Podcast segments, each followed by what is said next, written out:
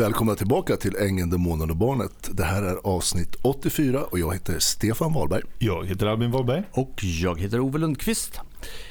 Idag så har vi ju Helena tillbaka här i studion. Det är ju jättetrevligt. Välkommen. Jajamän. Ja. Och vi ska ju ta upp en, ett ämne som vi flaggade för lite förra gången. Det här att uh, hur lever man med en narcissist och kan man leva med en narcissist och även anhörigas roll runt omkring eller vänner och anhöriga, vi som finns runt omkring narcissisterna. Eh, hur ska vi göra och hur ska vi hantera det? Och det, fi det finns mycket att rycka i det där. Mm. Mm. Vi har fått mycket feedback från er lyssnare ja. som vi sa förra gången med.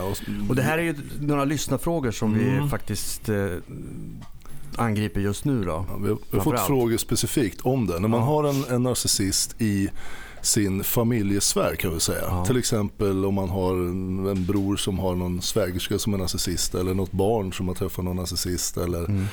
eh, och sådär. Vad, vad, gör man då? Du har liksom inte samma, vi har gått igenom nu bland annat förra avsnittet lite grann om man har en partner, hur man ska förhålla sig till, hur man ska kanske isolera dem eller försöka skära bort dem från media allt möjligt. Men vad gör man när man har en, i en, som sagt, i en sån här, kan vara även i vänskapskretsen, någon nära ja. vän som har en partner, som, vännen som betyder väldigt mycket för en.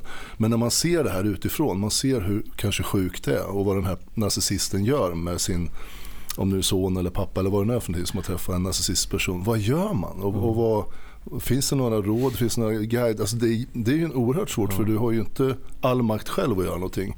Utan du kan bara försöka närma det här på något sätt. Och kan man leva med narcissist? Alltså i en relation. Mm. Var ska vi börja Helena? Ja, ska vi börja med om man kan leva med en narcissist i en relation? Där ja. blir svaret nej. Nej. Det var rakt enkelt. Så, vidare på nästa fråga. nästa fråga. Och vill ni det så vet ni att lycka till men det, det, det, det, går ju inte, inte på ett normalt sätt. Alltså det är ju klart att det går om man är den personen som kanske själv vill ställa upp på lite drama, ha inte så noga med vad som är sant eller inte. Och när man alltså köper läget. Men spontant så skulle jag säga nej. Det är komplicerat verkligen. Det är väldigt komplicerat. Ja. Vill man ha en trygg och lugn tillvaro med lite, ska vi säga, långsiktig förutsägbarhet. Då ska man ut och hitta en Svensson. Ja, narcissisterna är inte högst på den Nej, listan kanske. så är det. Och det har vi pratat mycket om. Men som sagt, om man då har en i, i den relationen som vi pratade om som exempel här någon vän har en, en partner eller en, ett barn eller en syster har en partner. Vad, vad, vad kan man tänka på? Hur, hur, ska man gå tillväga tycker du? Ja, alltså det första som jag tänker på, och det var ni nog inne på det förra podden kanske, mm. när ni pratade om att ha en relation med en narcissist. Mm. Och det man behöver ha stenklart för sig, det är ju vad händer med personen som har relationen? För det är oftast det det handlar om. Vi har någon i vår närhet, en syster, en vän, Mm. Eller ja, någon som olyckligtvis har blivit ingift i familjen. Och Det man först och främst behöver tänka på det är ju vad gör narcissisten med den här personen? Och det, det är ju liksom det här lovebombingen som ni har pratat om. De gör sig till ja, den enda personen i den här människans liv. Mm. Det som jag tycker blir en jätteviktig grej det är just det här med traumabandet man blir så traumatiserad i den här relationen så att Ja men alltså narcissisten är den enda som jag har att gå tillbaka till. Mm. Normalt sett skulle jag kanske gå till min familj och be om hjälp. Men den här personen har gjort sig så viktig så att det är till den personen jag går. Just det. Och sen det här med att det är av och på. Ena stunden är man jättebra, andra stunden är man inte bra alls. Det sänker ju mitt eget värde som person de här personerna är ju också de som är jätte, jätteduktiga på att plantera in vad de själva tycker om våra syskon, om våra föräldrar och om våra vänner. Mm. Och det är på så sätt som vi till sist hittar oss väldigt, väldigt ensamma. Det är väl en av de värre grejerna. Det här att de narcissisten sakta, sakta ändrar din bild på övriga släktingar som kan inkludera dig då. Mm. Om vi säger som exempel att din syster skulle träffa en narcissist den här narcissisten kommer ju sakta, sakta försöka påverka din syster att eh, få en annan bild av dig, allihopa, alla er runt omkring familj. Men vad, hur, hur liksom, då, om, om vi tar det exemplet bara nu, att din syster träffar en narcissist. Vad, vad, hur skulle du tänka nu med det du vet idag? Hur skulle du närma dig det? Vad, vad skulle du eventuellt kunna säga till henne, eller till narcissisten? Hur, var börjar man någonstans? Om man ser att den här narcissisten håller på att fullständigt förgöra din syster. Vad fan, vad liksom, vart ska man gå in? Prata med din syster kanske du har gjort lite grann och då säger systern att nej men det är ingen fara. Det, det, det, det är ingen fara. Men du ser hur illa det här är. Mm. Och alla ni andra kanske som ser, ut, utom hon då ser, vad fan, hur fan börjar man? Vad tycker du man ska göra? Ska man gå på narcissisten? Och försöka med ett enskilt samtal. Det går ju oftast inte bra för narcissister. Det, det funkar ju oftast inte för att de här har ju inte den självinsikten. Nej. Det finns ju ingen narcissist som sitter hemma på kammaren och tänker att nej men om man ska ta och jobba lite med det här. Det är ju rätt så felfria människor. Men jag tänker att jag har tre exempel som vi skulle kunna börja med. Det mm. ena är en vän till mig som är gift med en narcissist, har tre barn, hus, jättefint hus på landet. Och till en början så tycker inte jag att det här är konstigt. Jag kanske tycker att den här mannen är lite skrytig och det är lite viktigt vad köksbordet har kostat och vart det är köpt och så vidare. Det som blir i den här familjen är att mannen han har kontroll över bilar, ekonomi, över hus, vad han vill göra karriär med, hur han ska göra karriär. Och min vän går hemma, det är jättestökigt och rörigt i hennes liv. Hon har tre barn att ta hand om, huset och hon får insats, alltså hon får hjälp ifrån socialen för att hon ska funka som mamma. Oj. Och det här håller på en stund och, och jag tror inte att jag förstår från början riktigt vad det här är. Mm, men sen så börjar det här därför att hon har hundar och hon har hästar. Och då blir det så att den här mannen han kommer hem och säger att han har fått hästallergi. Mm. Oj, säger hon och gör en sluss. Så att hon slussar sig liksom in och från huset när hon ska ut till sina hästar som hon har hemma på gården. Och jag vet att jag tycker, fast det här verkar ju jättekonstigt att man liksom går man bara ur bilen och oj, jag har allergi. Funkar ju inte riktigt så. Det går några månader och sen hör hon av sig till mig och så säger hon att jag måste göra mig av med hundarna. Eh, va? Och då säger hon att ja, han, har fått, han är pälsallergiker. Och då vet jag att jag säger, ja alltså säger jag, jag tycker så jävla synd om dig men min sympati för din jävla man, den försvann när hästarna försvann. Smack säger det, sen har hon inte pratat med mig. Där var hon tvungen att ta ett liksom, beslut. Där tog hon beslutet och det var inte jag som Nej. var beslutet utan hon stannade kvar i sin familj. Idag tror jag faktiskt att hon har kommit ifrån att hon är skild. Hur hon har det, hur hon bor vet inte jag. Men de har skilt sig i alla fall? Ja, mm. för våran kontakt den bröts där och då. Mm. Och vad jag gör kan jag ju liksom se i efterhand. Jag går ju liksom in och så trycker jag till på hennes man. Och hennes man, det är ju för stunden det käraste som hon har. Mm. För hon, Kanske det enda hon har. Liksom. Ja, och jag menar hon ser ju inte röran. Hon ser ju inte hur barnen blir när han kommer hem. Det tog millisekunder så började det smälla i dörrarna. Hon ser inte hur han sätter sig själv först och hon är liksom bara där och fixar. Hon får liksom inte in att vad är det de här som är här och ger råd och stöttar. Varför är de här? Hon får liksom inte in någonting. Så det är klart att jag ger mig på, jag ger mig på hennes liv när jag säger som jag gör. Och från den dagen har vi inte haft någon kontakt. Men i det här läget, där visste ju hon om att det du sa, det var ju, du, du, du tog ju upp det känsliga. Eller hur? Kanske. Och det var ju plötsligt bara så, för annars hade de kanske velat diskutera, nej men vad ja, menar du då? och jag menar det kommer jag Sådär. aldrig få veta. Om jag satte liksom kängan precis på det ömma, jag har ingen aning. Det kan ju faktiskt ha varit så att du hjälpte henne också. Mm. Att hon kände att jag inte tokig i huvudet, det är något fel på honom. Eller, eller något åt det hållet i alla fall. Jag har ingen aning. Jag skulle tro att hon på något sätt drog det här till sig själv. Att jag gav mig på honom och att hon i sig var värdelös som gick i det här. Men alltså, det blev jättekonstigt. Mm. Hur länge sedan är det hände? Det här är... Kan vara 10-11 år sedan. Mm. Mm. Och efter det har vi inte pratat. Sen har jag ju själv, för jag vet jag har varit här och pratat om min egen relation med narcissist. Och där blev det ju såklart likadant. Mm. Eh, min mamma tycker till en början att ja, det var väldigt vad han har varit med om för allt vi tar upp det har ju han gjort liksom. Och, nej, men så här lite besserwisser sitter och presenterar sig och det ska vara lite fint och han kan lite mer än alla andra och sådär. Och jag säger inte så mycket om det. Men sen så kommer vi till det här, det första breaket när jag bara känner att nej men alltså fan jag orkar inte mer. Gå ut och Karn och hans grejer. Och min mamma säger att nej men nu är han borta, nu behöver vi inte prata mer om det. Och jag minns hur jag sitter där och bara, men, men alltså jag behöver prata. Mm. För det här har varit i mitt Okej, liv. Mm. Det här är någon som jag har delat saker med. Och hon bara, men nu, då behöver vi inte prata mer om det. Nej. Sen gör jag ju såklart klassikern som de flesta andra gör. Han skriver lite sms, han är lite gullig på telefon och smack, jag är tillbaks. Då säger min mamma så här, nu är det så här Helena, att om du ska hålla på med det här fram och tillbaks och inte kamma ihop dig, då gör vi dig arvslös. Okej. Och först så tycker jag, nej men vem sida står du? Jag ty- alltså det här blir jättekonstigt för det här är min mamma och hon ska liksom plocka ut mig ur familjen och jag ska inte få något där. Det blir jättelustigt. Men sen tar det bara en liten, liten stund så kommer jag på, nej men det kan jag överklaga. Så jag har liksom, jag har lösningen på det också. Oj, jävlar. Ja. Vilket gör att jag slutar ju snacka med mamma. För hon är ju inte intresserad av det här. Och ju mer hon liksom markerar att det här är inte sunt, det här vill inte vi att du ska vara med om. Jag vet hon sitter med mig och säger, jag förstår inte. Hur kan man sitta och prata med någon som kallar en för hora?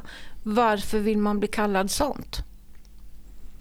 Bra fråga. Min mamma har hört ett telefonsamtal där han liksom börjar med att ryta när han svarar och vräka ur sig hur förbannad han är, vilken gris jag är och, och det liksom, det bara rullar på. Och min mamma bara, fast alltså hur? Varför vill man sitta och lyssna på det här? Och varför tar man emot det som person? Och jag bara, nej men det är så här det är. Jag tycker liksom, det här är ju min man. Alltså, det blir så sjukt. För här blir ju din mamma det perspektiv som vi pratar om. Hon blir ju- försöker få hjälpa dig på något sätt. Mm. Och hur tar du, du lyssnar inte alls på det hon säger. Nej, men alltså, jag tycker att min mamma går ju, in i, går ju emellan min relation. Och, Det och blir- det, det, är liksom det, det är den över, liksom, ja, nej, alltså, det, känslan. Där. det, är liksom, ja, men det är den enda känslan som jag kan komma ihåg. Jag blir så här, men vad fan, vem är du att säga så? Och jag skulle liksom aldrig säga någonting illa om min mamma.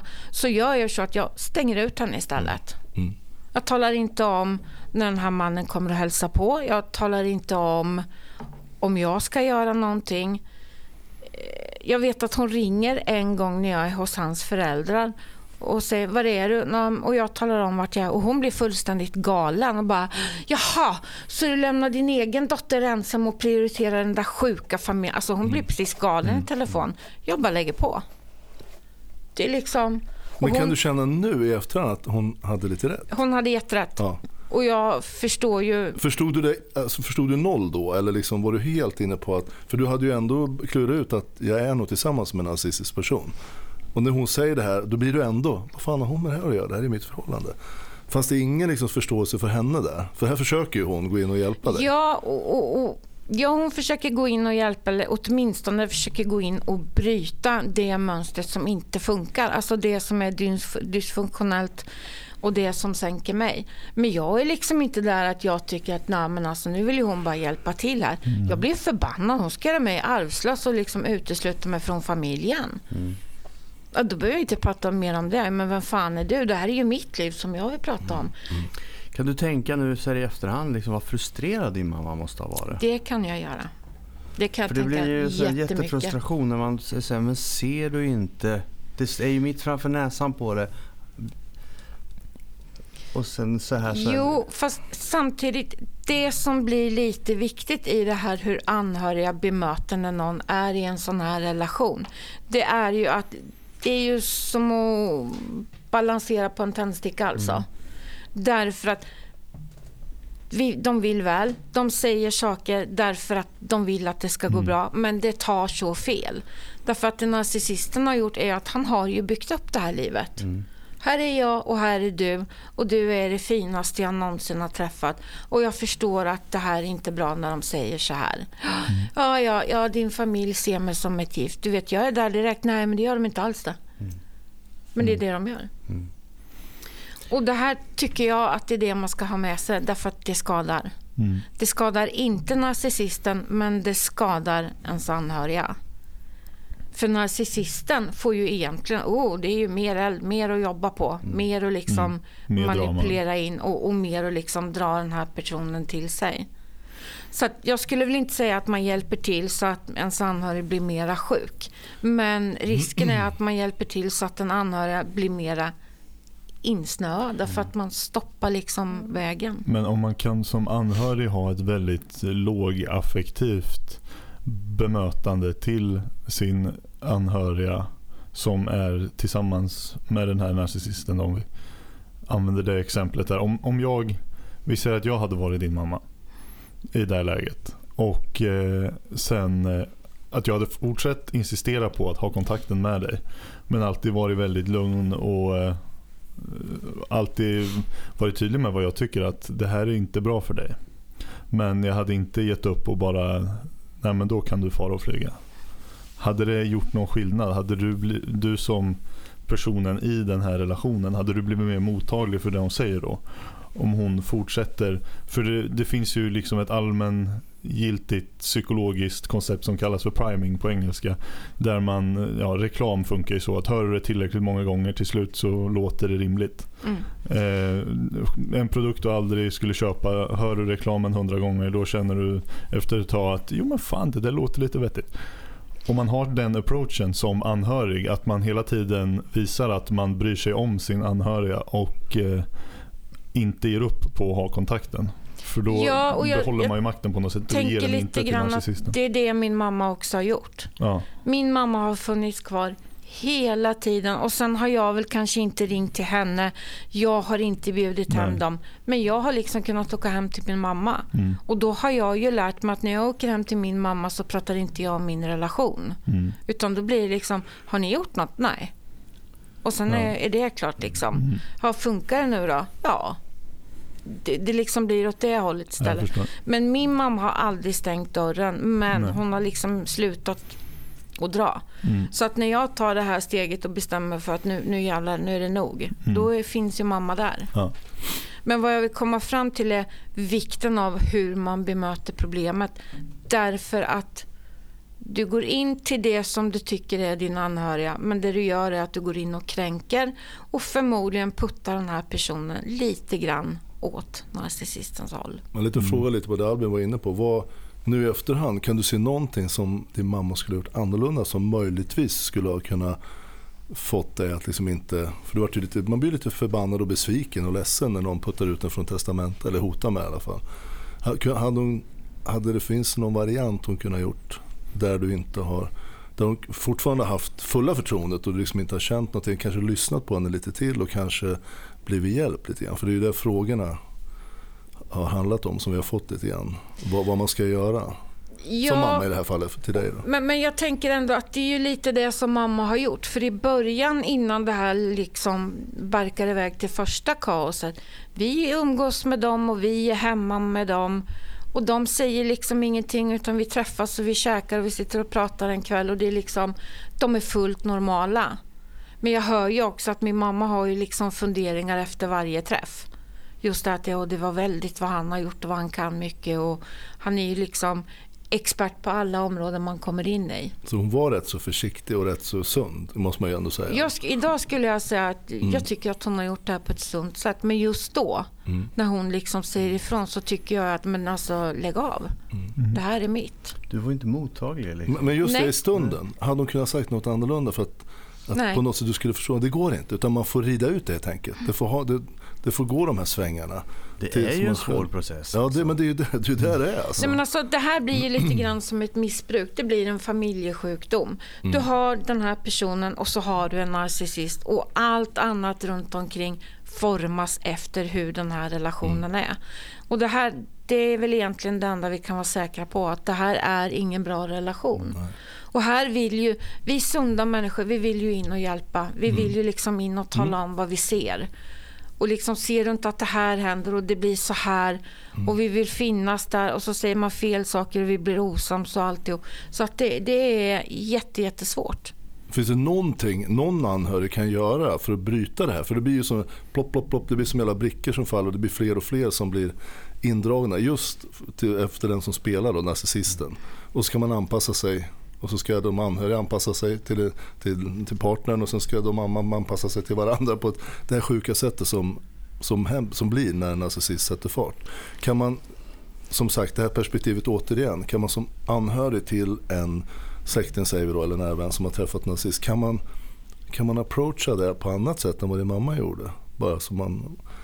För, för det är precis det här det kärnan är känner jag. Hur fan ska man göra när man ser det här? Man lider med ens dotter eller syster eller bror eller vad ja, det är men Det är det som blir dilemmat, att vi ser hur illa en person far. Mm. Och sen att det råkar vara någon i våran alltså i vår familj eller vår släkt, det är ju ännu värre. Därför att för den som står utanför så tänker jag att man ser hur en person blir mer och mer isolerad. Mm. Hur man är en spelbricka om det gäller att träffa barnen eller vad man får göra. Eller, nej men alltså, det blir ju lite grann utifrån på narcissistens vis. Jag tror, och det här är ingenting som någon vill höra, men jag tror att det som skadar minst är att vänta ut. Ha en relation så normalt man kan. Sen behöver man kanske inte fira jul med narcissisten. Men det här är en person som inte finns men vill inte lägga så mycket energi på det. Men att man då finns för sin familjemedlem. För den här familjemedlemmen kommer vakna till och då kommer man behöva sin familj igen. Mm. Det är viktigt att tänka mm. på. Och jag, jag, tror, det är min skada, men jag förstår också att det är superjobbigt för den mm. som ska stå och vänta. För en sån här relation går oftast i stöpet och då, då kanske man ska vara snabb där innan man liksom hovas tillbaka in i nätet och ska börja om den här relationen. Mm. Jag hör ju jättemånga som har barn, familj med narcissist och sen har de till sist tagit barnen och försvunnit därifrån. De har ett fullständigt helvete att få livet att funka. Och då är det liksom inte det här jättetydligt, utan då blir det nästan sån här passiv aggressivitet som kommer krypande. Lite inbakad för att det ska ställa till problem och, och bli besvärligt. Och det gör, vad gör man? Vi får ju inte springa runt och ha ihjäl folk liksom, utan vi måste ju på något sätt lära oss att hantera det och det är, nog, det är nog det viktigaste. Det här är en person som jag inte tycker om och hur ska jag hantera den? Jag har en väldigt, väldigt nära släkting till mig som faktiskt har varit gift och har barn med narcissist. En syster. Eh, och jag tror att runt 20 år pågick det här innan hon sa att nu är det stopp. Det vi har gjort, för vi har ju såklart genom åren tyckt och tänkt och liksom mm men vad är det här och men hur behandlar han barnen? Och, men alltså, Vi har tyckt att mycket av det som har hänt har varit lustigt och liksom inte passat oss om man får säga så. Det vi har gjort med det är att när min syster kommer till det att hon vill skilja sig och nu ska hon liksom reda ut sitt liv. Då har vi funnits där, vi har lyssnat och vi har hjälpt henne med det vi har kunnat. Och det som har blivit är liksom att den här mannen har vi plockat bort. Vi kommer aldrig prata om honom eller säga någonting ont, så att, ingenting så att barnen hör. Han bara finns inte. Mm. Kommer de och berättar vi ska göra med, med pappa? Jaha, och sen är den för, han är liksom borta. Men vi stöttar ju min syster då som finns kvar såklart. Men jag tror också att det är just den här väntan på att komma dit. För det är ju otroligt frustrerande att ha de här människorna runt sig. Och det är ju fruktansvärt både jobbigt och en sorg att se hur en nära lider. För det är ju det de gör tänker jag. Mm. Det är så det blir. Var det tre exempel sa du? Sa du det eller? Det är kompisen, det är jag okay. och det är min right. syster. Ja, mm. De är tre. Ja, mm. Intressant. Ja, men det, det, är, det finns ju många sådana här följdtankar kring det här. Hur man ska göra. För att i vissa förhållanden när någon nära anhörig eller träffar en narcissist så är ju narcissisten, om till exempel en kvinna, man pratar om en syster som träffar en manlig alltså narcissist, kan ju manliga narcissisten vara så jävla kontrollerande och så jävla elak och så ful och manipulerande och jävlig så att de kommer liksom inte loss. Och då kan man ju spekulera i, ska det vara så här, ska, ska min syster i det här fallet och så leva i det här helvetet resten av livet? Vad ska jag göra? Eller min bror eller vad det nu är för släkting man, man har som är ett sånt här förhållande. Jag tänker att vad, vad kan man göra? För du pratar nu om att det bästa som händer det är att ja, ens släkting då kommer på att den här, det här är en nazist, jag måste ta mig ifrån och då behöver de hjälp och då kan man träda in mm. för då öppnar de sig. Men om de inte gör det, vad fan gör man då? Om man bara ser att den här personen försvinner mer och mer, vilket många personer gör. Jag kände en del i mig själv. Jag tycker jag, tar väl normal plats i tillvaron sådär i mitt umgänge. Men efter ett antal år med Eva och med Bill kommer in och det de mikrade till så vart det lite nertonad variant av mig själv och tappar lite av min, liksom, mitt go och min, ja men ni förstår vad jag menar. Ja, fast det tycker jag generellt att det blir så att man blir nedtonad, man tappar av sig själv. Alltså ja. Det jag har sett utav de som lever med narcissister och att de också dessutom blir eh, isolerade.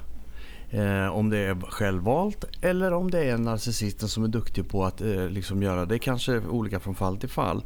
Men resultatet blir det att de tappar sin omgivning. De tappar sina vänner, tappar släktingar, tappar ja, men allt det runt omkring. Därför att eh, jag vet inte om det är vad som kan ligga bakom det. Vi pratade lite om det innan här. Det, här. det kan ju vara då att de är medvetna någonstans att det är att de skäms.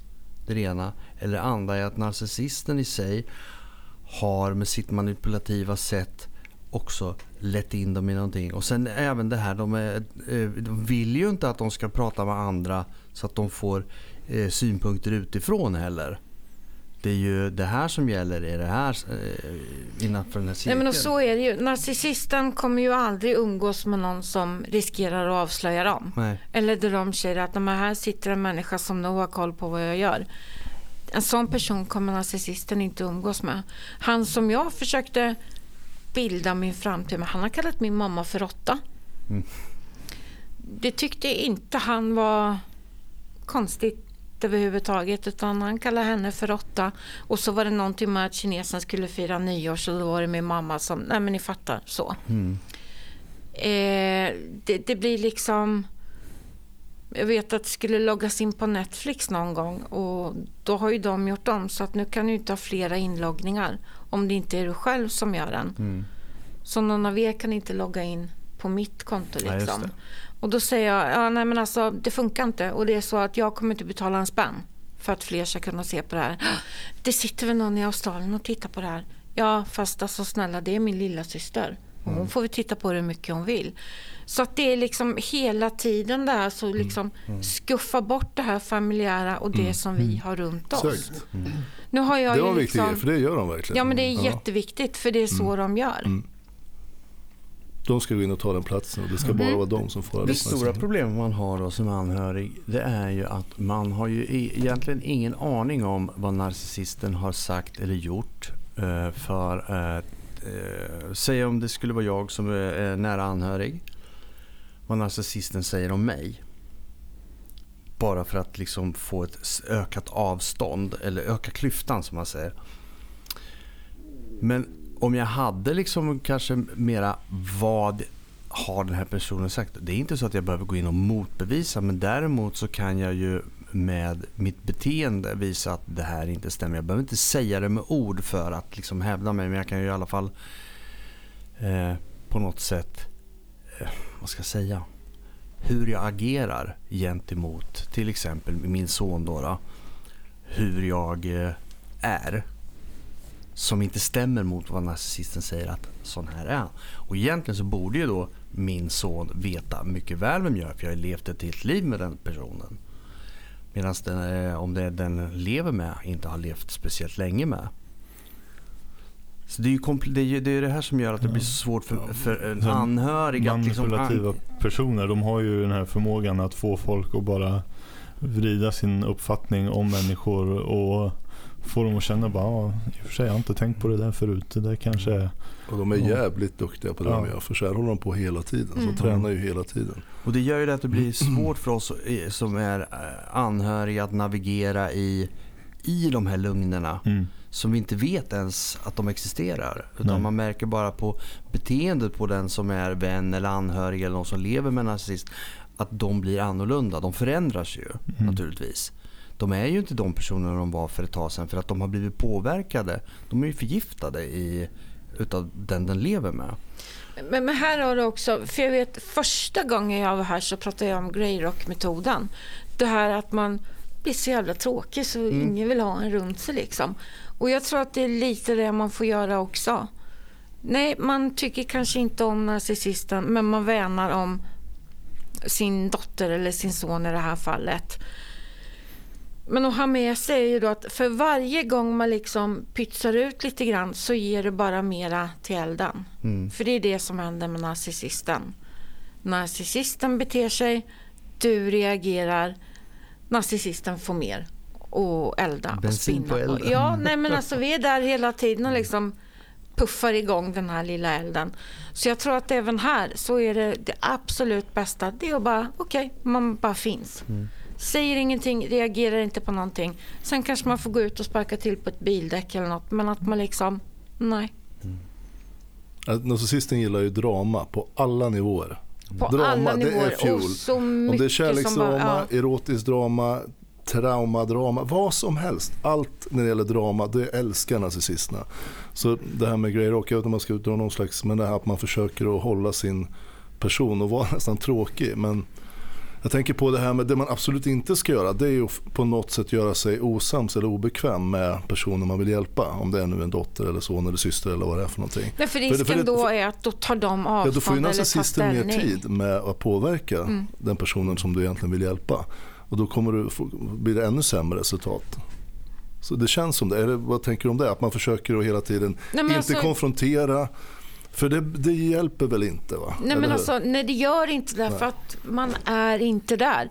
Därför att när min mamma konfronterar mig då Mm. är jag mitt uppe i min relation och jag har träffat mannen i mitt liv. Mm. Nu går jag liksom bara och väntar på att de här Nej, men att han ska bli nykter och lite sådana här saker runt omkring. Det är bara inte heller. Bara Lite små små saker. grejerna. Nej, men jag går liksom bara och väntar på att nu ska vi börja leva det här livet Mm. som jag i mitt huvud tänker att det är det man ska ha.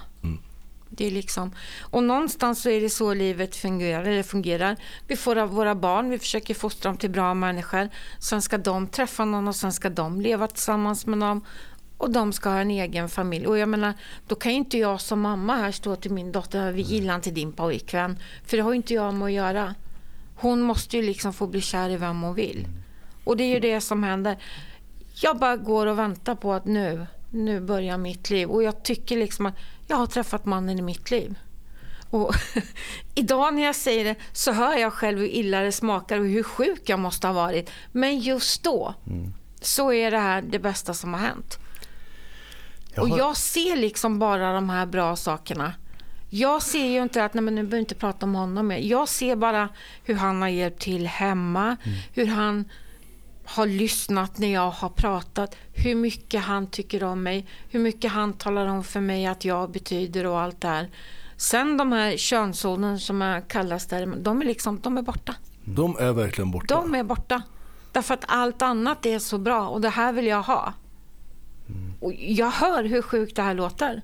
Har du någon tanke hur, hur din hjärna, eller, och, och allas hjärna som blir utsatta för det men- funkar. Ja, men hur, hur det funkar när man hör, alltså normalt att bli kallad, ja men det, det har du ju berättat om, bli kallad hora och alla möjliga saker. Mm.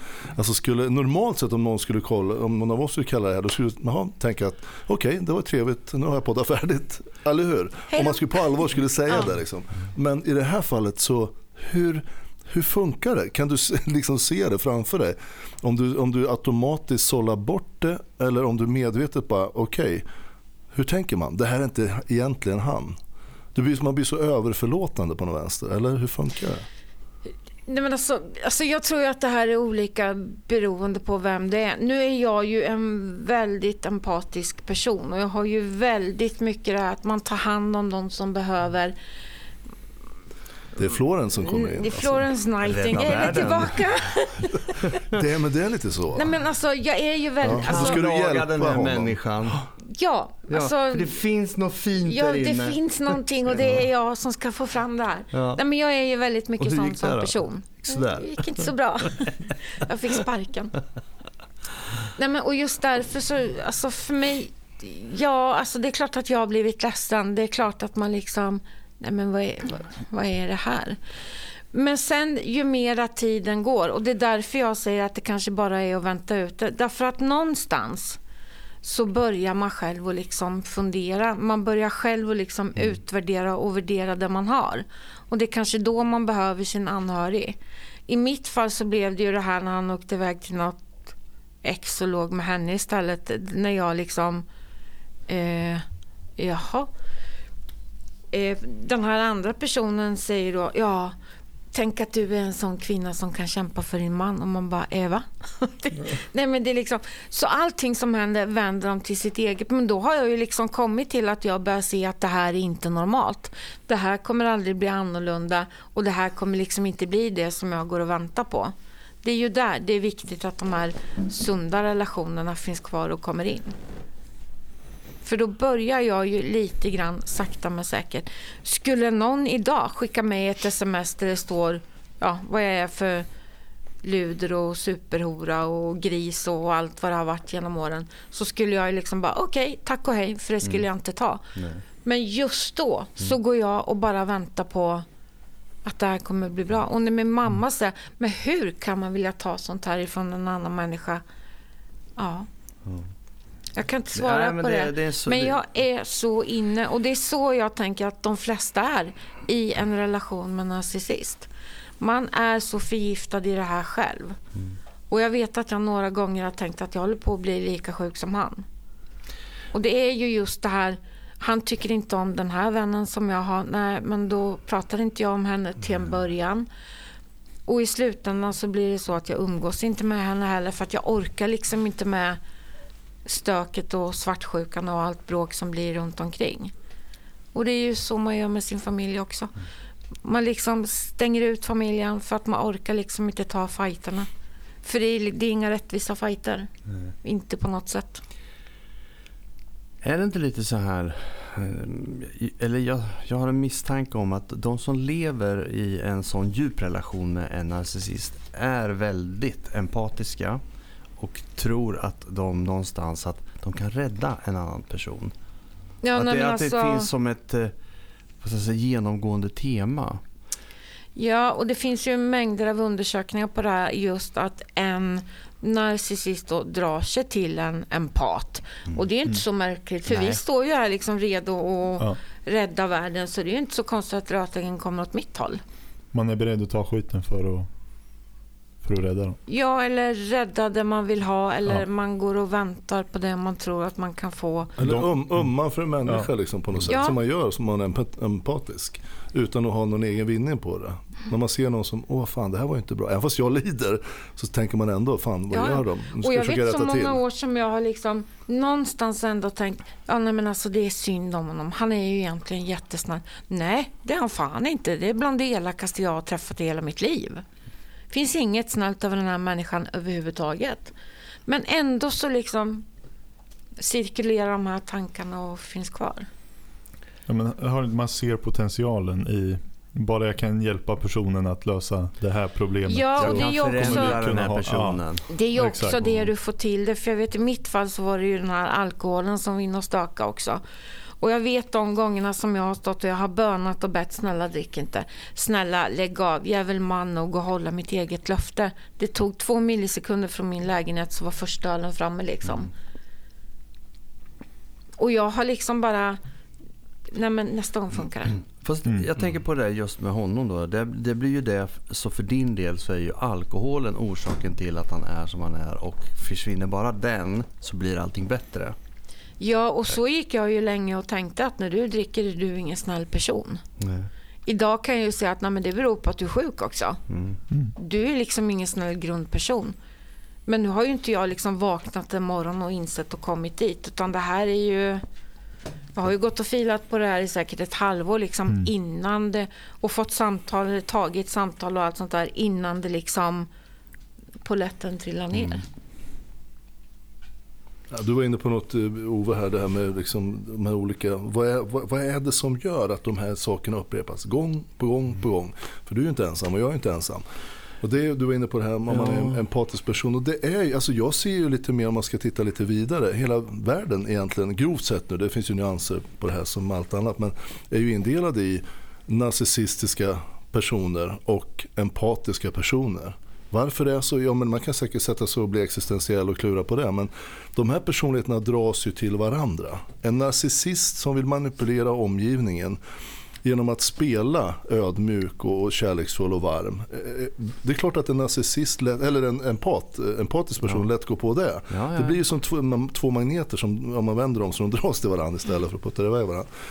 Och när, en, en narcissist har ju olika drag som innebär att man ger inte upp till exempel i första taget om någon gör ett misstag. Som en narcissist, den ser någonting som den inte tycker om. Den kan ju vända på en sekund och bara stryka det och det liksom har inga problem med det. Nu är det någon liten vovve som tycker något här. Jag ska ta ett kort tror jag, på Ove. Han sitter och kelar med en av Helenas ja, hundar. Här. Bebis Därför är Ove lite tyst. Ja. Han är fullt upptagen. Nej, men alltså, att de här två dras till varandra. Jag tror man kan på ett grovt sätt se det i väldigt många sådana här osunda relationer att det finns en som utnyttjar situationen. Hon tycker, håller med. Mm. och det finns en som hakar fast. Och som sagt, en, en, empat, en empatisk persons drag är ju att inte ge upp, förstå, hjälpa, kanske om och om igen. Så, så, det är klart att jag får väldigt mycket medhåll där. Någon som vill upp här. Ja, det varit en hund men så, Du är inne på det och du är ju sån. Det är klart att du ger ju inte upp i det här fallet. Nej. Som du tar exemplet med din, din före detta vän här. Då. Du vill ju försöka och försöka och försöka. Och desto mer du försöker desto mindre respekt får den här personen antagligen för dig. Och så blir det sakta sakta värre och värre. Och det kommer olika saker som man kallar dig och sådär. Så det, liksom, det, det, det, det, och det håller ju inte i längden. Sådana här förhållanden till jag skulle se en procent så är det nästan närmare 100. går ju åt pipan till slut. Mm. Därför att det, liksom, det, det ballar alltid ur. Det är bara en tidsfråga. Och tyvärr är det ju så att men, det blir så mycket konsekvenser på vägen av mm. det där som det drar med sig. Eh, även kanske för den personen, empaten då som är drabbad. Mm. Jag kanske sitter där med stora skulder med pengar. Eh, det kan vara, jag har inga vänner kvar. Eh, det kan vara så att, som i ditt fall Stefan, när eh, du har blivit baktalad i sådana mängder.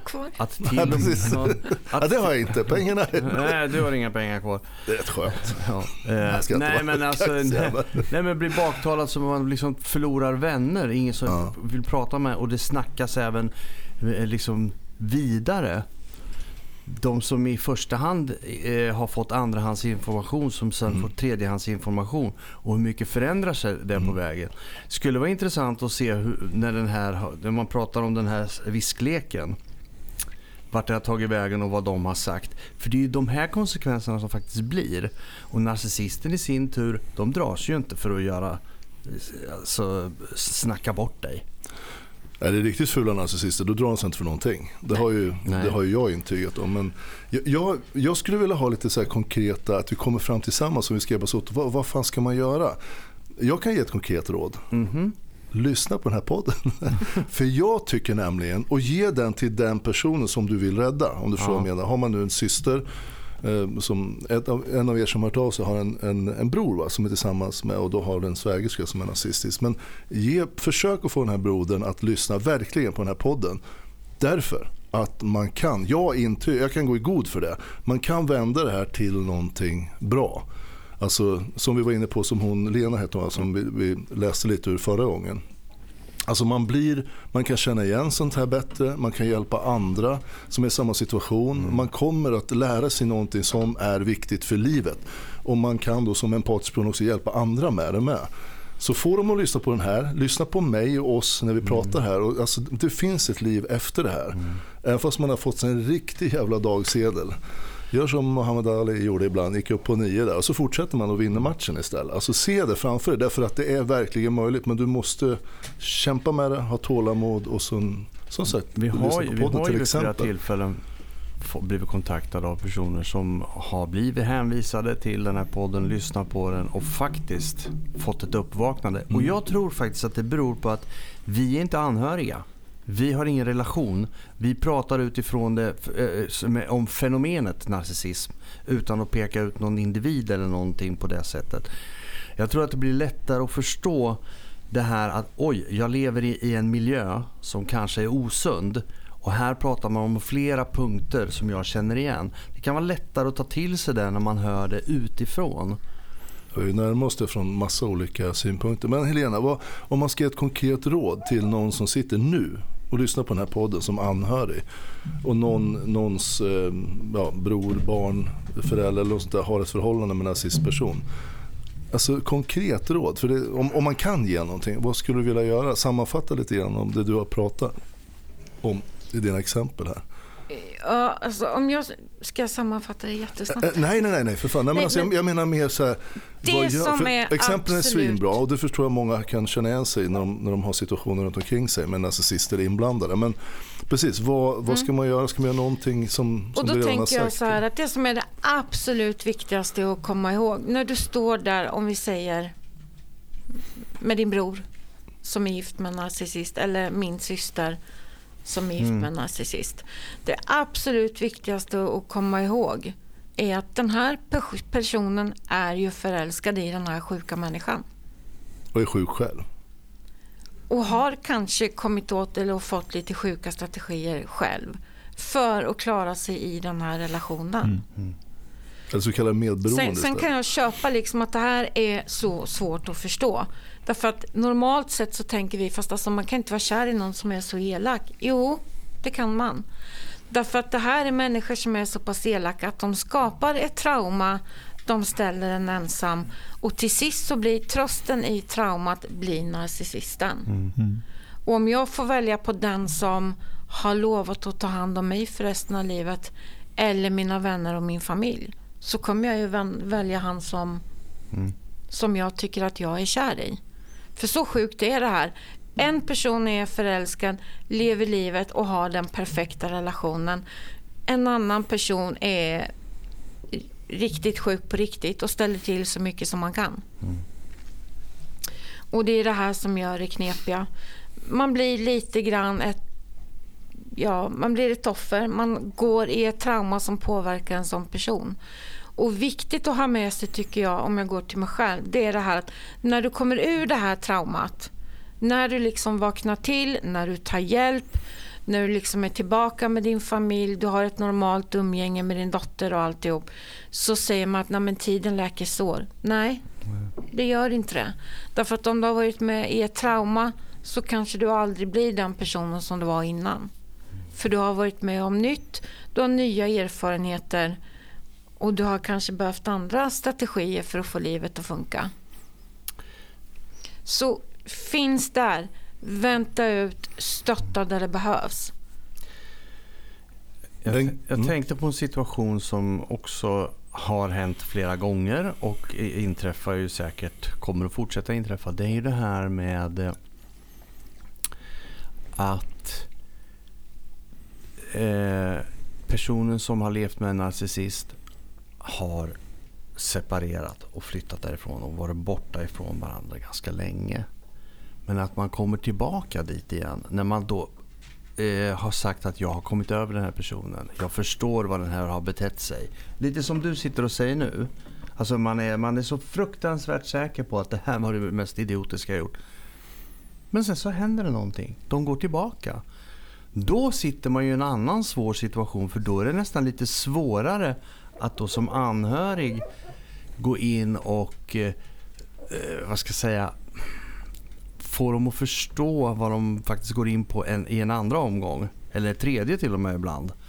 Det kan ju vara, då, då blir det extra problematiskt och då känner jag att ehm, där skulle man ju behöva ha ordentliga verktyg för att kunna hantera. Men det är väl lite som du säger, man får väl bli lite gråsten. Mm. För att jag tror inte att det hjälper att, för hur det än är så vet den här personen att mina anhöriga har hört mina ord. De vet också själva. Så att vi, vi behöver inte prata om det här. Jag, jag går in i det här på mina villkor och försöker leva det här. Då är det ju svårt som anhörig att stoppa det här på något sätt också. Det är som du säger, då får man vänta ut och finnas där. Ja, och, och precis det du säger nu. Därför att i mitt fall så blev det här en av de sakerna som jag funderade jätte- jättemycket på när jag liksom gjorde mig fri från allting. Och det var den ena delen var att jag liksom upptäckte att nej men alltså det finns inga känslor kvar. Jag ser inte den här jättefina mannen utan, längre utan jag ser någon som jag tycker faktiskt är riktigt otäck. Och det är liksom Ja, nej men alltså det, man vaknar till på något sätt. Ska man bara ha tålamod och invänta att Jag tror det. personen man är orolig över vaknar jag, till, får jag någon tror att det är det bästa. Därför insikt. vi kan väl liksom alla bara vända på det här till oss själva. Liksom. Om vi kommer till Stefan och så säger vi gillar inte din flickvän. Alltså, det är väl ingen som tycker om att, och, liksom, att bli påhoppad. Förstår ni hur jag menar? Flickvännens mamma sa att du, det finns en sida här som du inte har sett än och du sa nej du. Nej, men, Har nej, jag- jag- alltså, jag Har jag en flickvän? Kan ni berätta för mig? Vem? nej, men, Ja, det är före exempel. detta. exempel. Nej, nej, men det är liksom... Alltså, ingen vill bli påhoppad i det vi tycker vi har hittat i livet som är bra. Och det tror jag är det ena man ska ha med sig om man vill hjälpa. Sen kan man ju inte hjälpa först den dagen man står där och personen faktiskt nej, men alltså, försöker göra sig fri. Sen det här som du säger att man står där och man tycker att nu är det klart och sen smack så är man tillbaka där igen. Det blir ju en chock för omgivningen också när de går tillbaka på det sättet. Mm. Och jag, har ju, jag har ju sett det här vid flera tillfällen och det, man blir som så här, va? Vad fan hände? Ja, och det som händer här är ju egentligen att den personen, om vi säger nu, vi har två stycken, en narcissist och en som är normalt fungerande och så tar den här relationen slut. Oftast med en narcissist så tar den slut med buller och bang. Mm. Det är nog kanske inte alla som fasar utan som jag säger att jag har gjort utan smack, bom så tar det slut. Mm. Det man har kvar då det är en person som sitter med känslor och saknar en himla massa svar. Och sen har vi en person som behöver någon annans energi för att göda sig själv. Mm. Och den här personen kommer tillbaks med den här lite gulliga sidan som den här kära personen vill ha. Det är, behövs inte många sms förrän man är tillbaks. Mm. Och så här kan ju folk hålla på i år. Jag har förstått det. Och vi tycker liksom att nej men vad är detta och Mm. igen och för den som inte är i det här så blir det här bara mer och mer konstigt men för den som är i det här så blir det liksom bara lyckligare och lyckligare. Och jag vet på slutet att jag börjar tänka men alltså hur ska jag få in den här karln i min mammas liv? Du vet jag börjar liksom för jag är ju så medveten om vad min familj tycker och vad de har sagt och min dotter som till sist inte vill komma till mig och om den här mannen är hemma så hon vill liksom inte ha med honom att göra. Alltså det var ju jättesnurrigt och sjukt där på slutet. Vad tyckte hans familj om dig? Det vet jag inte men jag tror att de tyckte nog att jag var rätt så normal. Jag Ja. tänkte bara liksom, se hur, hur den andra sidan tog det. Mm. Hur hade det. För jag menar, det kan ju faktiskt vara så att de tyckte det är det bästa som har hänt honom. Det vet man ju inte heller. För de lär väl veta vad han har för historik i sitt liv. Så Ja och jag tänker att det får vi nog aldrig veta och jag känner att jag behöver inte Nej. veta det heller. Det är liksom någonstans så lämnar man det ifrån sig och går vidare. Men som anhörig då, tänk på hur ni bemöter. Ingen tycker om att bli påhoppad. Inte för den man har valt att vara kär i och inte för den man är som person. Alltså instinktivt som människor så vi tar ju liksom till och försvarar. Och har man otur då om man bemöter det här lite för mycket eller talar om vad man tycker och tänker. Då blir det som det blev mellan mig och min vän. Det liksom bara klipps av och sen blir det aldrig mera bra. Nej. Aldrig mer. Nej, jag vet att jag själv har haft en sån eh, person i mitt liv som var starkt narcissistiskt lagd. Det bröts på telefonsamtal också. Mm. Det var bara, nej.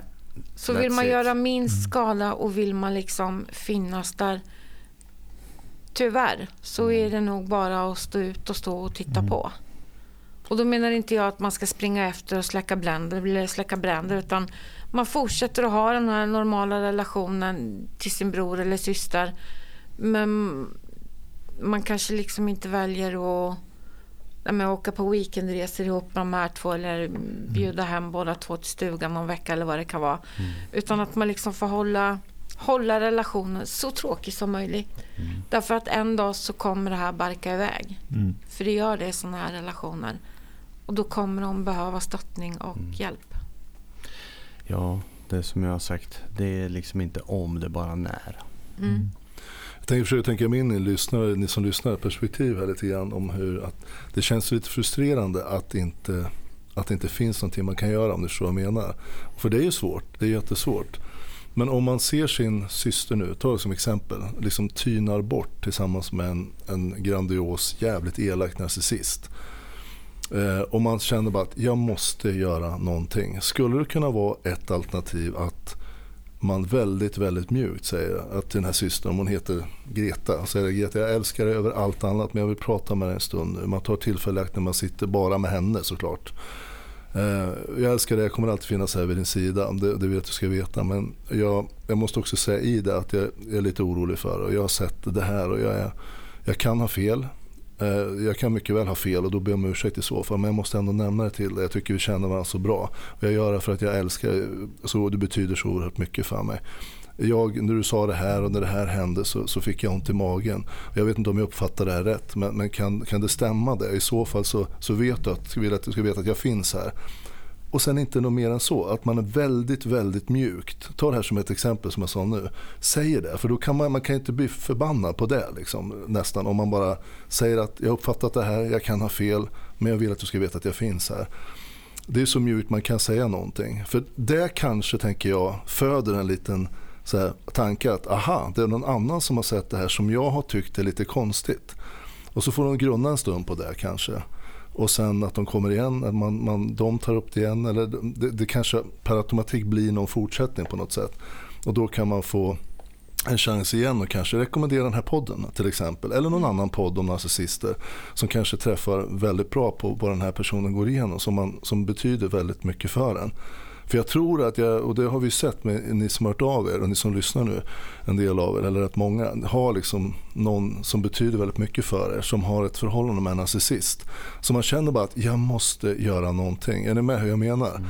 Man ändå försöker göra någonting. Och om man ska se från andra hållet då vad ni inte ska göra. Du säger att om du inte liksom tar hand om den här personen eller gör så, då, då vill inte jag träffa dig. Så man ställer aldrig någon mot väggen, det kan väl du mm. intyga mm. Helena. För det, det är absolut, det, det är nog det värsta man kan göra nästan. För då blir den här personen ännu mer ensam. Utan kanske mer att man försöker uttrycka sin kärlek och hur mycket den här personen betyder. Att, ja, att man inte ska mästra på något sätt men att man ändå vill bara lyfta någonting. Ove, han är populär bland hundarna. Jag släpper ner en hund och kommer nästa.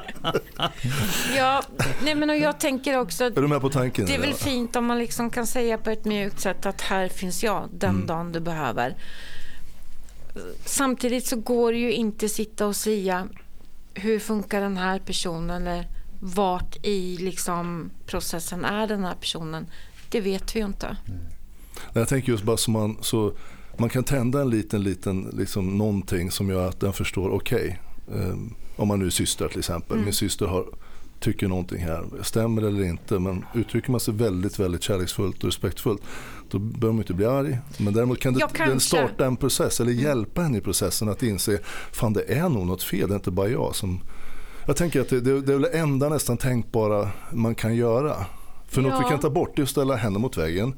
Och något vi kan ta bort också, det är att ställa narcissisten mot väggen och säga att du ska ju fan göra det här mot min syster. Och så där. Då jävlar, då, då, då tänder du helvetes upp när du helvetes portar. Och det, det har vi ju sagt förut. Och det gör man verkligen. Du får aldrig avslöja det till en narcissist att du förstår att det här är en narcissistisk person. För då, då kommer du liksom få, då, då, då börjar processen att du ska bort. Liksom. Mm. Och det kan sluta hur som helst. Är det en, en riktigt narcissist person? Ja, för du är ett hot. Ja, ja. blir ju djävulen ja. i ett par skor. Alltså. Ja. ja, men det är kanske lite så som vi pratade från början. Att man talar om, här finns jag, här är vi, mm. se till om det är någonting. Ja. Och sen försöker man hålla det här på en normal, eller normal social nivå. Och sen gör man sig lite tråkig. Alltså narcissisten finns där, men ifrån mig kommer mm. ingenting. Ska man uppma upp, uppmuntra sig själv, uppmuntra den här kontakten, om vi säger att det är två systrar nu och en av systrarna har en narcissistisk person som partner om man då som syster till den här systern ska försöka och eh, ska man liksom öka kontakten med henne och kanske göra, få ut henne själv på Nej, mer alltså saker? Jag tycker eller? att man ska försöka hålla det på en normal, eller normal nivå. Mm. Det finns ju ingen anledning att rusa in. Jag hör hur det här låter. Men just det här att man liksom, eller just det, bara, jag kan inte prata rent. Varför Finland? Jutta? Det får man. Jutta. Nej men det här att man liksom rusar in och trycker sig in i, ett an, i någon annans liv för att nu ska jag rädda dig. Mm. Den här personen kanske inte alls vill bli räddad just då. Nej, det är ju det Den som är problemet. Och framförallt kommer narcissisten märka det. Ja, eller som du säger att åh, den här personen har märkt, det kanske är så här. Det är inte säkert att man är där. Nej. Alltså jag har gått den här jävla cirkusen rent ut sagt. Jag har hållit på och liksom förlora relationen med min dotter. Jag har varit på väg att bli uppsagd från min familj och lite de här sakerna. Och jag har bara tänkt att jag löser det. Tills den dagen jag vaknar själv och känner, fast alltså hur ska det här gå till? Alltså en, en människa som ingen vill ha att göra med, hur ska jag göra då? Och det, och det är som sagt, jag hör hur, jag hör hur märkligt det här låter men, men nu har jag kommit en bit på väg. Det, liksom, det ligger mycket jobb bakom det här. Och det är liksom, det här som jag trodde fanns är väldigt, väldigt borta. Och det är det ju inte med en person som fortfarande är i en relation. Så min skada tror jag kanske är, man finns, man väntar ut, för det kommer ta slut. Mm. Hur ska man göra om, vi tar, fortsätter med exempel som systrar nu då, om någon syster har en nazist. Ska man fortsätta bjuda in hela familjen med den här nya partnern hela tiden, precis som vanligt? Hur ska man agera mot den här partnern? Ska man visa någonting överhuvudtaget? För jag tänker om man inte visar någonting eller säger någonting vad man tycker nästan blir lite grey och man bara följer med på allting. Då tror ju alla att allting är bra och om jag skulle vara inblandad så Stefan tycker allting är bra här men det gör jag ju inte. Hur, hur ska man agera? Eller ska man, förstår du? Fa- Fast Ska jag göra egentligen, någonting eller ska jag bara låta allting bara rulla på som vanligt fast jag ser att det här är åt helvete? alltså jag tror inte att det spelar så stor roll vad andra tror att de tycker sig kunna se, för det är ju ingen som vet. Det som blir i relation till narcissisten med att du hänger på, du är med men du är lite småtråkig, det är att du ger ju absolut ingenting. Och det är ju lite där det går ut på. Vi ger inte narcissisten mer att elda eller bygga drama på utan vi, vi bara håller liksom, vi finns, vi är med men vi ger ingen energi. Man bara flyter med med minsta möjliga och så flyter man bara med om man inte ger så mycket mer så är man snart en ganska ointressant person. Jag har, en- jag har en tanke. Ehm, jag, jag har en tanke att det, en, en sak man kan göra om man nu ser återigen sin syster som, som exempel här att sin syster håller på att gå under. Och det här är en sån fruktansvärd person. Man kanske vet att den här personen är otrogen och allt möjligt och man, man, man, man bara, det, det, är så fel det kan bli. Då tänker jag som att jag fick lära mig när jag i kampsporten en gång. Man gör ingenting, ingenting och när man gör någonting så gör man allt. När man ska neutralisera något hot som ska anfalla en eller något sånt där. Eh, Eh, kan det vara likadant att ska man överhuvudtaget gå in och göra någonting så gör det massivt i så fall. För det hör man ju en del prata om. Och då till exempel skulle det kunna vara att man eh, tar tillfället i akt när ni systrar är tillsammans hemma hos era föräldrar och narcissisten till partnern till systern inte är med. Ni, se, ni tar, tar liksom en gång för alla att man tar upp det här ämnet. Eh, jag har en sak jag måste berätta om. Eller, eller man passar på när det har hänt någonting kanske. När den här systern har blivit sviken eller hon har avslöjat en otrohet. Säg, säg som det är. Och då säger man allt på en gång. Och tar, då tar man också risken att man kan bli isolerad. Men då måste ju den här systern isolera sig från hela familjen kanske. Men Ja, temat alltså- att Ja. jag älskar dig, det här är det här och det här och det här ser vi. Eh, Och du ser inte det nu. Men kan man göra något sånt? Eller skulle- det... Det blir som någon sån här typ intervention till Ja, det. Ja, ja men alltså jag menar det. Om man nu ska göra någonting. Vad, vad Alltså, tror du om det? Jag skulle inte sitta som terapeut och säga att du jädrar nu kör vi på och konfronterar det. Alltså, Alltså, du nej. sätter ju, utsätter ju den här personen i ett underläge. Något så vansinnigt. Det står tre personer eller fyra personer och pekar finger mot och säger Ja, för, du. fast, fast Ja, det men menar jag inte de- i exempel. nej, Utan man tar nej, det väldigt de varmt och det kärleksfullt. De kommer Ja, säkert uppleva det precis. så. Att de, åh jävlar alla kör över mig. Vad är det frågan om? Det kan ju bara bli fel känner jag. Jag fick en sån här, äh, det tror jag inte att det blir så bra. Ja, det var, jag det var en öppen fråga. För att, Ja, men om du ser, som ett exempel vi har fått, det är ju en, en, en kvinna som har skickat in och ingen vet vem det är, som har en bror som har en narcissistisk partner och hans tidigare barn håller på och, är och tappar sin kontakt med, med pappan tack vare det här. Mm. Och hon är ju som sagt, jag menar hon är alldeles eh, måste ju vara fullständigt frustrerad Mm. vad hon, hur hon ser det här framför sig. Vad ska hon, vad, alltså no, ante, någonting, kan man göra någonting och vad skulle det vara? Jag- Om vi hjälps åt att spana Jag, jag fram. skulle vilja ställa frågan tillbaka. Hade, om jag och Ove säger vi. Mm. Eh, Ove, du var inte så... Ni två, Stefan Ove här, ni hade ju inte så otroligt regelbunden kontakt som vi har nu Nej. när du fortfarande gängar med Eva.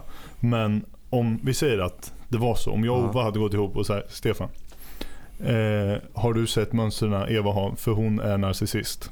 Hon är fullkomligt livsfarlig, hon kommer blåsa dig på allt du har. Vad hade du sagt då?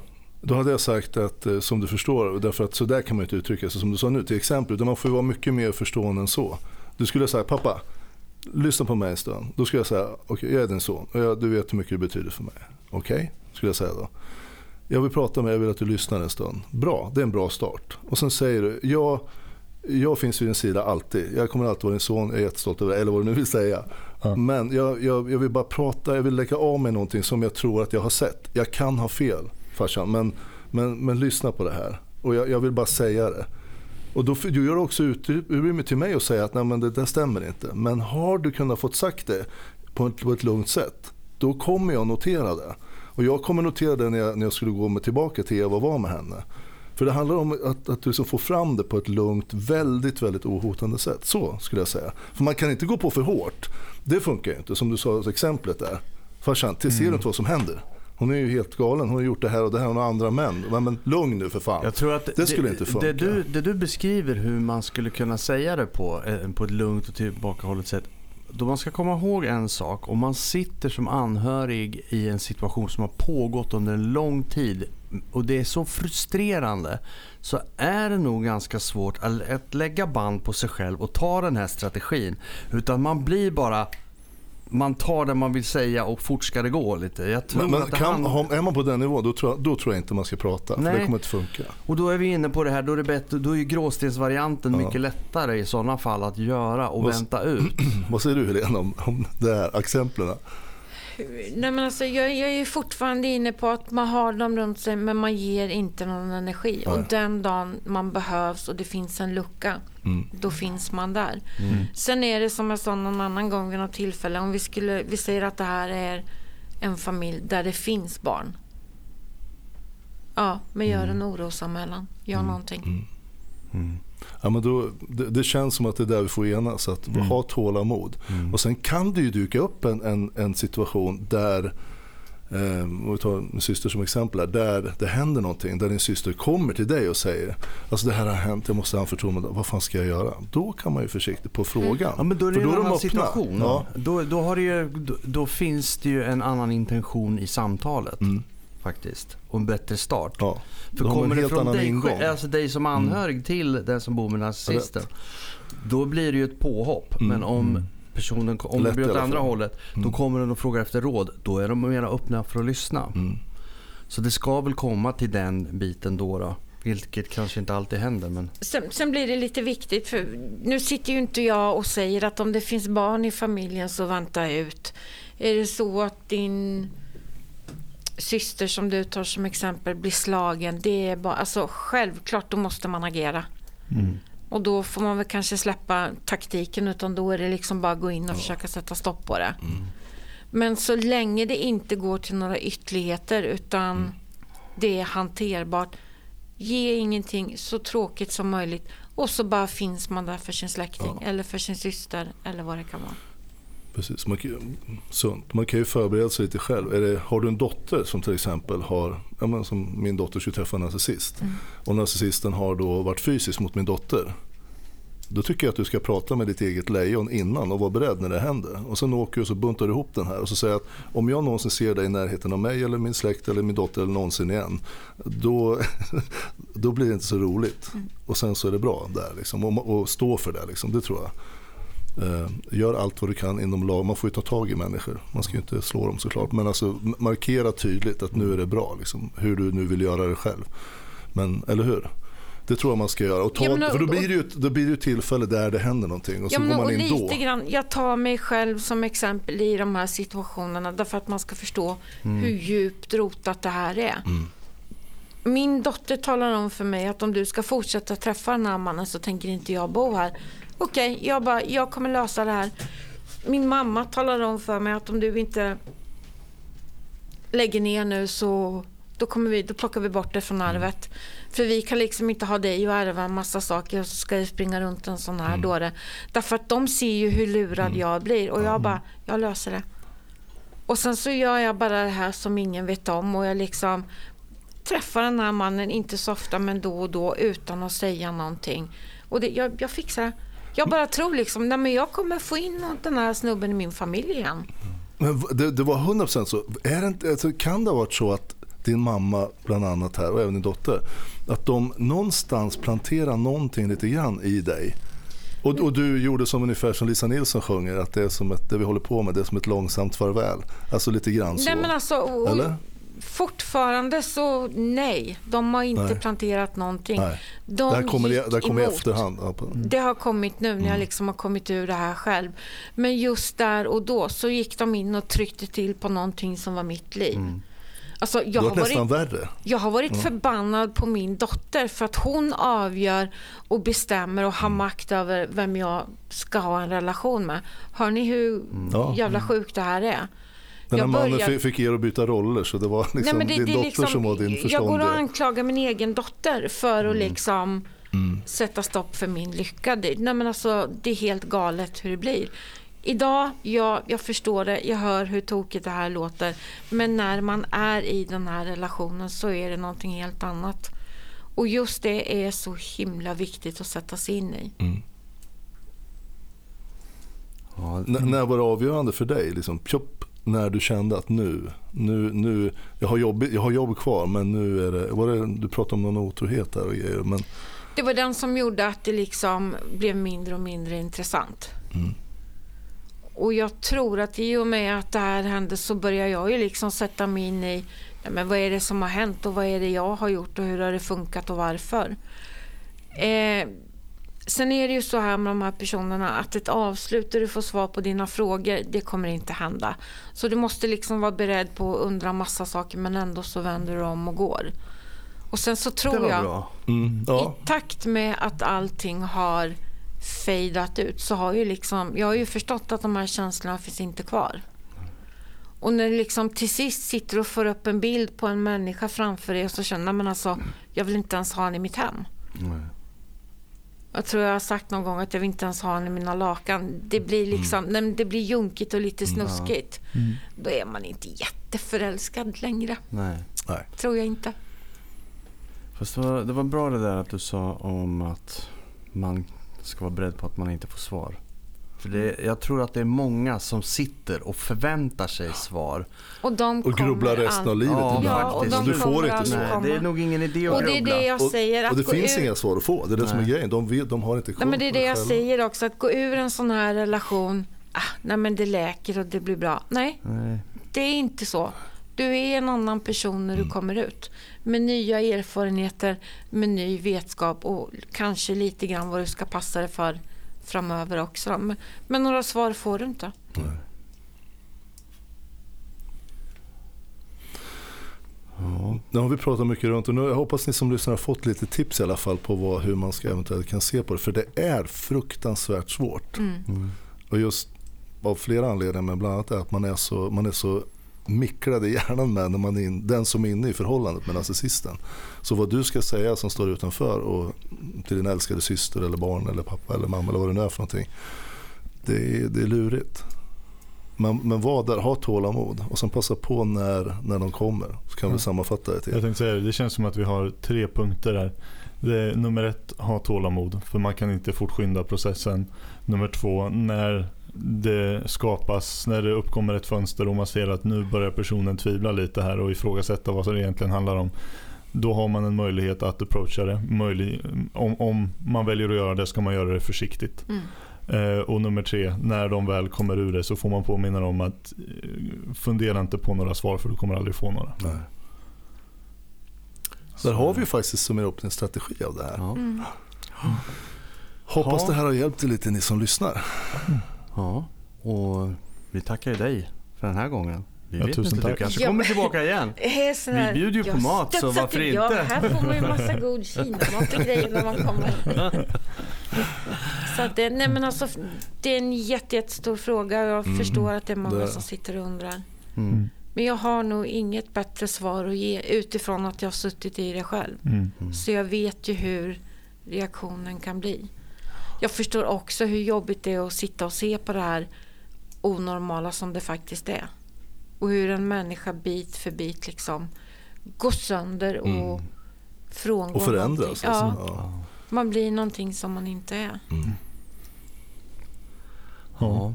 De skördar offer på sin väg så länge de har kraft kvar. Så Så är är det. det, faktiskt. Det är Och det som ger dem energi. Och, och det låter som man kanske är lite synsk och allt möjligt, man, man är elak och sådär mot människor. Men de här typerna är för jävligt. De, de skördar offer och de sprider omkring en massa jävla ska skit elände. ha som man säger. Avslutande ord från. Ja. Typ. Men ska vi runda av här idag? Tacka. Helena och så hörs vi och du kommer ju, tror jag, garanterat tillbaka Ja. Snart tillbaka. igen. Ja. Ha det bra allihopa. Hej då. Hej då. Hej.